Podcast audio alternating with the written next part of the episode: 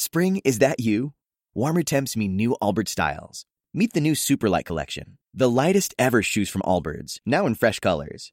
These must have travel shoes have a lighter than air feel and barely there fit that made them the most packable shoes ever. Plus, they're comfy right out of the box. That means more comfort and less baggage. Experience how Allbirds is redefining comfort. Visit allbirds.com and use code SUPER24 for a free pair of socks with a purchase of $48 or more. That's A L L B I R D S.com, code SUPER24.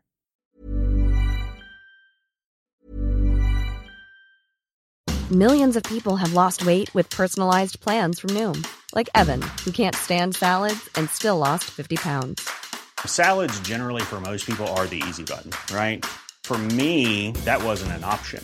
I never really was a salad guy. That's just not who I am. But Noom worked for me. Get your personalized plan today at Noom.com. Real Noom user compensated to provide their story. In four weeks, the typical Noom user can expect to lose one to two pounds per week. Individual results may vary.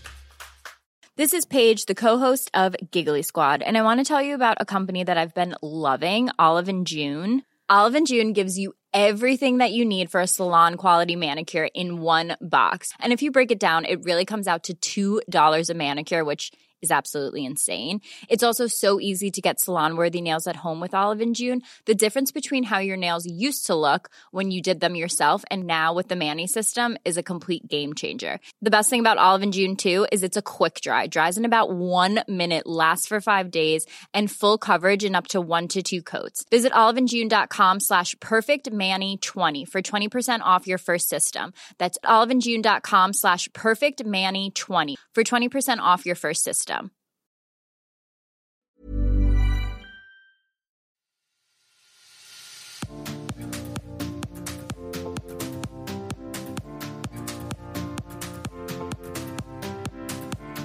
og velkommen til Sprekpodden. Jeg heter Silje Dyregrov, og med meg i studio har jeg eh, som alltid Halvor Ekeland. Hei, Silje. Hei, hei. Alt vel? Ja, tror det.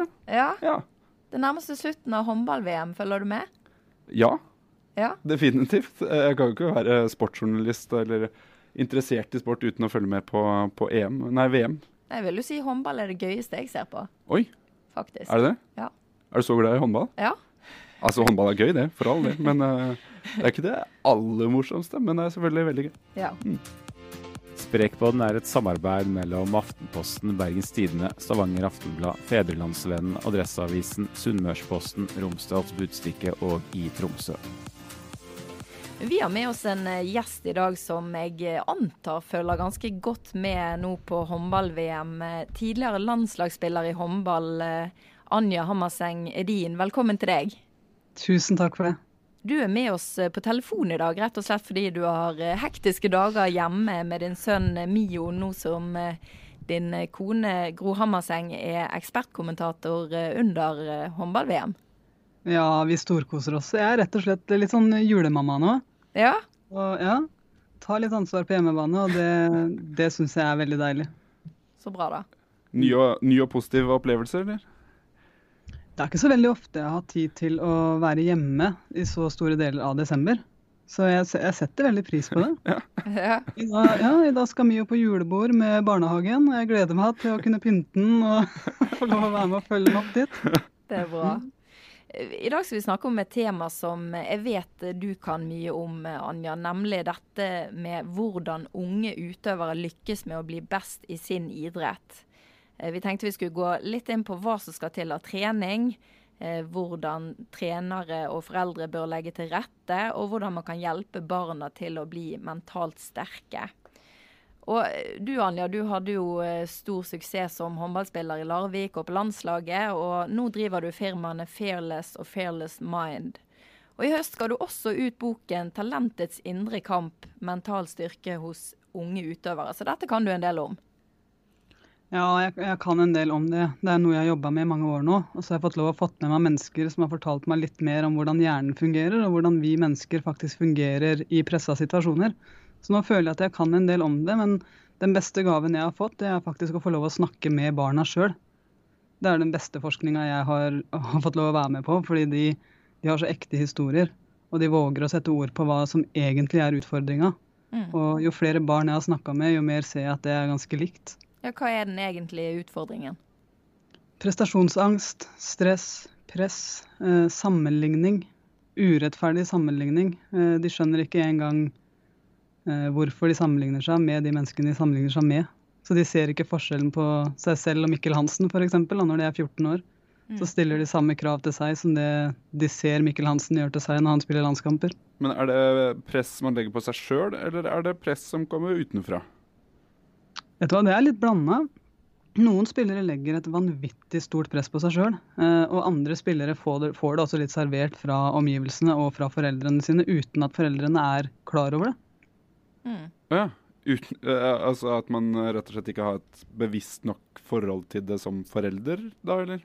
Ja, ja, for sant, Foreldrene har veldig lyst til å hjelpe ungene sine best mulig, heldigvis. Mm. Eh, De fleste vil jo det. Men så er det veldig mange foreldre som f.eks. etter en kamp spør skåra du mange mål, og rett i resultatfokus. Mm. Og det det gjør, det er at hvis ungen da skjønner at det her handler om å skåre mål, og den ikke har skåra så mange mål, så føler de at de har mislykkes. Mm. Istedenfor at vi som foreldre forsterker eh, holdning mot innsats. Mm. Sånne ting som de faktisk kan jobbe for hele tiden uten å være i resultat. Mm. Eh, jeg har jo vært uh, trener sjøl for uh, barn og unge. Det er riktignok i en individuell idrett, uh, svømming. Um, og der har vi jo i hvert fall prøvd så godt vi kan å holde fokus på liksom, utviklinga. Hva er det vi skal bli bedre på i dag? Og bruke treningene f.eks. på dette er fokus i dag, dette er det vi skal utvikle oss på. Og så er det greit å ikke få det til. Det er jo en sånn helt vesentlig greie med det å bli bedre på en ting, er å prøve på ting du ikke får til. Hvis, ikke, hvis du ikke øver på de tingene du ikke får til, så vil du jo aldri få dem til. Uh, så, så det er jo en sånn der utviklingsfokus som kanskje som kanskje er det, det største problemet, hvis man kan kalle det det, da, i, i barne- og ungdomsidrett. Er du enig i det? Jeg syns du gjør noe veldig riktig når du stiller det spørsmålet hva har vi lyst til å bli bedre på i dag. Mm. For da primer du gjerne til de unge på å tenke at yes, i dag har jeg lyst til å bli bedre til noe. I dag når jeg kommer på trening, så skal jeg ikke forsvare at jeg allerede er god. For det er et issue for veldig mange unge da, at de kommer på trening, og selv ikke i en treningssituasjon så gir de seg selv rom for å trene. For allerede der sånn, så skal de bevise for treneren sin og for lagkompisene sine at de allerede er gode. Så når de feiler der, så er det veldig vanlig at de ja, går litt med bøyd nakke, da. At de Mm. føler seg mislykka. For de ser ikke på trening som en reell treningsarena, de ser på trening som en prestasjonsarena. Mm. Mm. Men hvordan kan man gjøre noe med det? Er det de tingene jeg nevner, eller er det andre ting også som Jeg tror at det som er viktig for oss å tenke på, som er rundt, det er jo ordet talent. Hvordan vi bruker det ordet, og hvordan det påvirker de barna som hører det ordet. mm. For veldig mange spillere som jeg har møtt, faktisk inkludert meg selv, som blir kalt et talent, det kan oppleves litt som en fornærmelse og en sorg. For det er veldig mange som kaller oss talenter, de ser ikke de tingene vi gjør, når de ikke ser oss.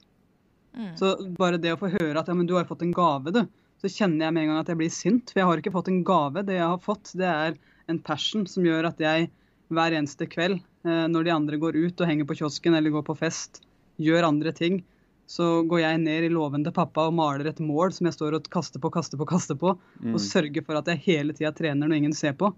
Men for de som ikke ser det her sånn, så tror de at de vet hele sannheten når de bare vet at vi trener felles med de andre i hallen. Mm. Så Seinest nå så var jeg faktisk i, i Stavanger og møtte en ung spiller som bar på den her skuffelsen over lagvenninnene sine, som sa ja, men det er ikke så rart du får det til, for det, du har jo fått en gave idet du ble født. Mm. Og det er ikke sant. Eh, ja, det kan godt hende at i noen idretter, muskelfibertyper og sånne ting kan spille en liten rolle, men det er uansett bare et utgangspunkt. Det som avgjør hvor god du blir eller ikke, det avhenger av hvor mange repetisjoner du gir deg sjøl. Hva er du villig til å gjøre når ingen ser på, når ingen heier på deg? Hva er du villig til å stå i når folk sier at ja, men du har forandra deg, du er ikke med på fest lenger, du, du gjør ikke de tingene som er kult lenger, du gidder ikke være med oss lenger. Der er det veldig mange unge spillere som bare tenker å nei, jeg har ikke lyst til å høre at jeg har forandra meg.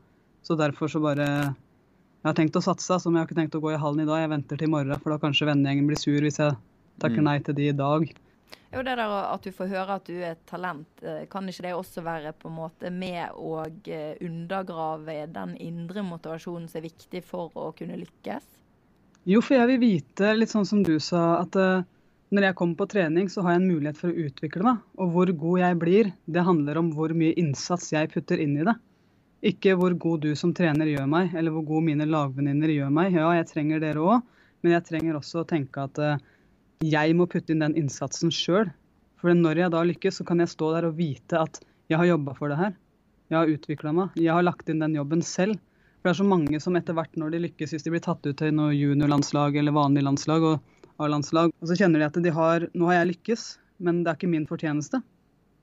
Mm. Og så går de rundt med noe som vi kaller et svindlersyndrom. At de går og kjenner at uh, snart så kommer jeg til å bli avslørt som en som ikke er så god som det de tror jeg er. Uh, Fotballforbundet tror jeg kaller dette her um, ansvar for egen utvikling. At man liksom har et ønske om å faktisk bli bedre. Altså, uh, jeg lagde en sak på dette her med, med Martin Ødegaard, hvor jeg fikk se hvor mye han trente, hvor mye han gjorde.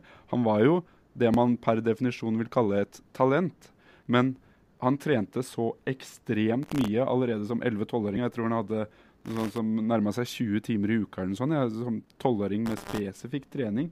Det var en sånn helt ekstrem dedikasjon og lyst til å bli bedre. Eh, men jeg tipper han fikk høre ganske mange ganger at han var et stort stort fotballtalent. Han spilte jo for A-laget til Strømsgodset som tolvåring eller et eller annet sånt. Ja, han har nok det. Det som er for mennesker som trener enormt mye, og som får høre av andre mennesker at du er et talent, så kan det nesten oppleves som en fornærmelse. Nå vet jeg ikke om det gjelder Martin Ødegaard, men Nei. det gjelder enormt mange av de spillerne jeg har fått lov å møte. At de, de blir litt skuffa over at de faktisk er nødt for å legge ut på Instagram at de har vært og sniktrent i hallen, istedenfor at folk bare kan akseptere at noen faktisk blir gode fordi de trener, og de trenger ikke vise hele verden at de trener, fordi det er en passion de har inni seg. Det er en indre dreiv for å bli bedre. Mens mange andre de har behov for å hele tida på en måte skryte da, at de trener og vise det til verden, sånn at de kan få foreldre, trenere, spillerutviklere muligens til å se hvor mye de faktisk har lagt inn. Og det tror jeg er det som skiller de som virkelig, virkelig, virkelig blir gode. De er villige til å legge inn den innsatsen når ingen ser på. Mm. Eh, du har jo eh, opplevd eh, mye medgang i din karriere, men også en del motgang. Altså, hva den viktigste lærdommen du har tatt med deg for å takle motgang? Tankesett. Og, og her er det jo Eh, det begynner allerede fra vi er små, der jeg kjenner at det blir viktig for meg at, eh, at, andre mennesker skal se på meg som god.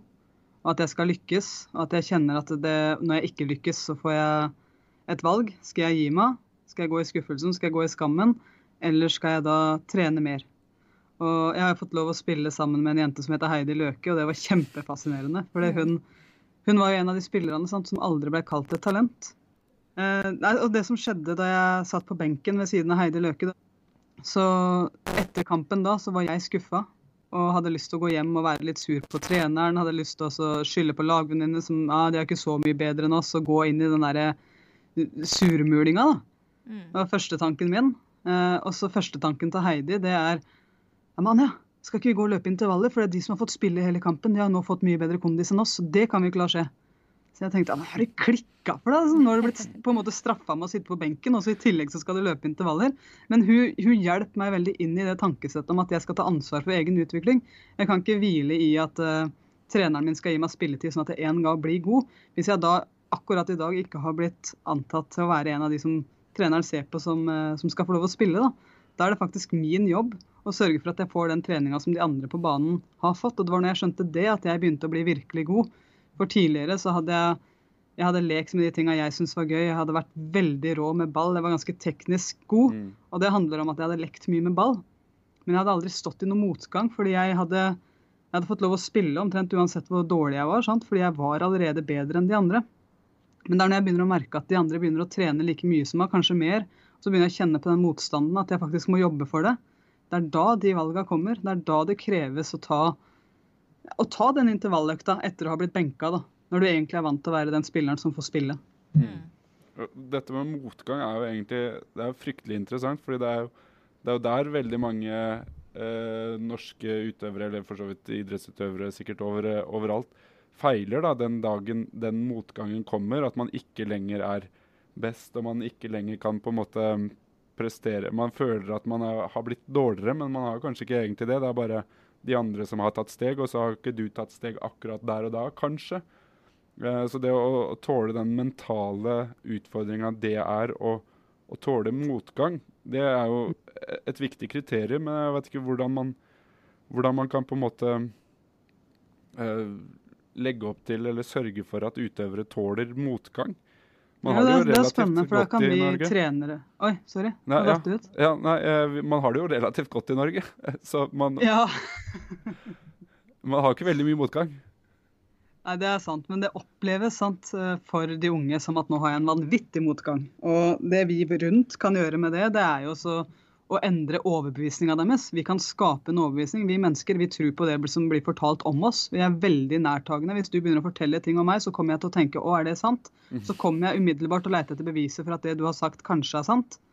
Og, og det som skjer med trenere, det er at de veldig ofte gir spillere en overbevisning om at du er god i forsvar, men du er ikke så god i angrep. Og det som skjer med de trenerne igjen da, de kommer til å ha lyst til å ha rett i det de sier. Så det de da går og leiter etter, det er hele tida at eh, ja, den spilleren her sånn, den er god i forsvar, så hver gang den gjør noe som helst som er bra i forsvar, så kommer treneren til å forsterke det og på en måte bekrefte at det var det jeg sa som hadde rett. Og hver gang den samme spilleren da gjør en teknisk feil eller en eller annen feil i angrep, så kommer treneren, selv om han misliker feilen, så kommer han inni seg til å få en bekreftelse på at den antakelsen jeg har gjort, det jeg har sagt, det er rett. Så kommer han ikke til å klare å nullstille seg overfor den spilleren som gjør at den spilleren nødvendigvis får den utviklinga som de vil. Det her er kjempefascinerende, for den kan du også vri over til spillerne. Du kan si til et lag at vet du hva, dere er helt rå dere når vi spiller jevne kamper. Så hver eneste gang det drar seg til i de jevne kampene, når det er uavgjort mot slutten, så vet jeg at dere kommer til å vinne den kampen. Og det vet jeg fordi dere er rå på å senke skuldrene, kaste rolig pasninger til hverandre. Dere finner de gode mulighetene. Og det er veldig få spillere og lag der ute som har den egenskapen akkurat dere har. Eh, mora mi gjorde den teknikken her sånn på oss allerede fra vi var tolv år. Og jeg gikk jo på banen sant, og tenkte når kampene dro seg til, at det er klart vi vinner den kampen her sånn. fordi vi er jo helt rå, vi. På å spille rolig pasninger til hverandre og finne de gode løsningene. Og hver gang, hvis vi vant, så blei det en bekreftelse på at ja, men det her er jo det som er sant. Mm. Det er klart vi vant. Vi visste jo at vi kom til å vinne den kampen. Men det som var så fascinerende, er at vi vant jo ikke alle kampene. Så hva skjer med oss da når vi taper de kampene? Ja. For meg, helt ærlig, så tenkte jeg vet du hva, det her er et avvik fra normalen. Ting, kom, ting kommer til å stabilisere seg igjen. For jeg vet at uh, vi kan ta i bruk de egenskapene som vi har, og det går an å skape sånne overbevisninger i spillerne. Måte, hvis vi klarer å løfte opp et menneske, så vil det mennesket føle seg litt stolt. Så det spiller an Hvis det er en spiller som lytter til den podkasten her da, og treneren din f.eks. har sagt at du ikke er god i forsvar, så mest sannsynlig da så kommer den treneren det skal mye til hvert fall, hvis den treneren gir deg en sjanse i forsvar. Hvis den klarer å finne beviser for at du er god i forsvar. Men du kan, eh, du kan påvirke treneren din til å tenke Det var det du ville si. Ja, men du kan manipulere treneren din til å tenke annerledes om det. Du kan faktisk det. Noen velger å si påvirkning, det, det kan du velge. Men eh, hvis du da går bort til treneren din og så sier du, vet du hva, kjære trener, du er helt rå på det du gjør. Du har så enormt mye fagkunnskap, og du har helt rett i at jeg ikke er der jeg ønsker å være i forsvar. Men jeg vet at med din hjelp nå, hvis du gir meg noen øvelser, hvis du klarer å veilede meg nå i de nærmeste treningene før den neste kampen her nå, så er jeg helt sikker på at jeg kan ta noen steg. Gidder du å være med på den jobben? Hva er det første du tenker at jeg kan gjøre her? Mm. Det du gjør med treneren da, det er at du smigrer den. Og, den, og da kommer han til å gidde å gjøre det. Eh, og så kommer du til å også tvinge hjernen hans til å se på deg i et nytt lys. Ja. Og det er ganske kraftfullt. Og det er veldig spennende, for vi spillere vi blir satt til å skulle håndtere ting selv som vi egentlig syns er vanvittig krevende. Og det handler om eh, våre egne tanker og følelser knytta opp mot en prestasjon. Og det kan også faktisk handle om en ung spiller som er så god at den kan spille på flere lag. Og i en fase hvor kroppen da utvikler seg, så kan det være at uh, jeg kjenner på en beinhinnebetennelse, eller jeg kjenner på en vond skulder eller en vond hofte f.eks. Og så er det så vanskelig for den spilleren selv å skulle ta det ansvaret og si at ja, jeg spiller på jente 16, 18 og andredivisjon, og så er jeg også med på diverse juniorlandslag f.eks. Eh, og så vet spilleren inni seg at den egentlig har for mye. Men det for spilleren da å skulle takke nei til en av disse tingene, det er vanvittig krevende. Så den, den blir med på alt. For hva skjer med den spilleren hvis den takker nei til 16-årslaget? men ja til 18-årslaget og ja til andredivisjon og ja til landslaget. Hvordan vil de på 16-årslaget se på han da? Vil han da bli den som driter i laget sitt? Eh, Det er et issue som mange unge spillere har, men hva hvis han takker nei til 18-årslaget eller andredivisjon? Vil da klubben tro at ikke han satser, og vil de igjen sladre til landslagsledelsen? Og hva hvis han takker nei til landslagssamlinga fordi det er en overbelastning i kroppen hans? Hva vil, hva vil landslagstreneren si da? Eh, Kommer de til å glemme meg? Eh, Og så, videre. så det er enormt mange kamper som de kjemper inni seg. og Det det veldig ofte resulterer i, det er at vi får spillere som spiller altfor mange kamper, trener altfor mange treninger, og dessverre blir borte i altfor lange perioder til å kunne bli så god som det de ønsker å bli sjøl. Så det vi trenger, det er spillere som våger å være ærlige. Som våger å se at jeg tar ansvar for min egen utvikling, og derfor så takker jeg nå nei til all denne treninga osv. Så, videre. så det, det er enormt mange kamper. Eh, Men de aller, aller største, det er nok faktisk følelsene som de skal håndtere. Og det kan være hvordan tar jeg kontroll over nervene mine? Hvordan håndterer jeg nederlag? Hvordan kan jeg evaluere meg selv på en måte etter kampen som gjør at jeg føler meg mentalt frisk til å trene godt allerede i morgen? Spennende. Det får bli siste ord for i dag. Vi får eh, beklage til våre lyttere at det kanskje har vært eh, noe dårlig lyd innimellom, men eh, sånn blir det når vi snakker på telefon, dessverre. Det er dumt, det deg. Ja, ja. Takk til vår gjest eh, Anja Hammerseng Dien, Tusen takk for at jeg fikk være her. og til deg, Halvor. Og takk til deg, Silje. Og vi setter veldig pris på om du sender spørsmål eller gir oss innspill. Da kan du gå inn på Sprek på Facebook. Mm. Takk for at du hørte på oss. Ha det bra. Ha det.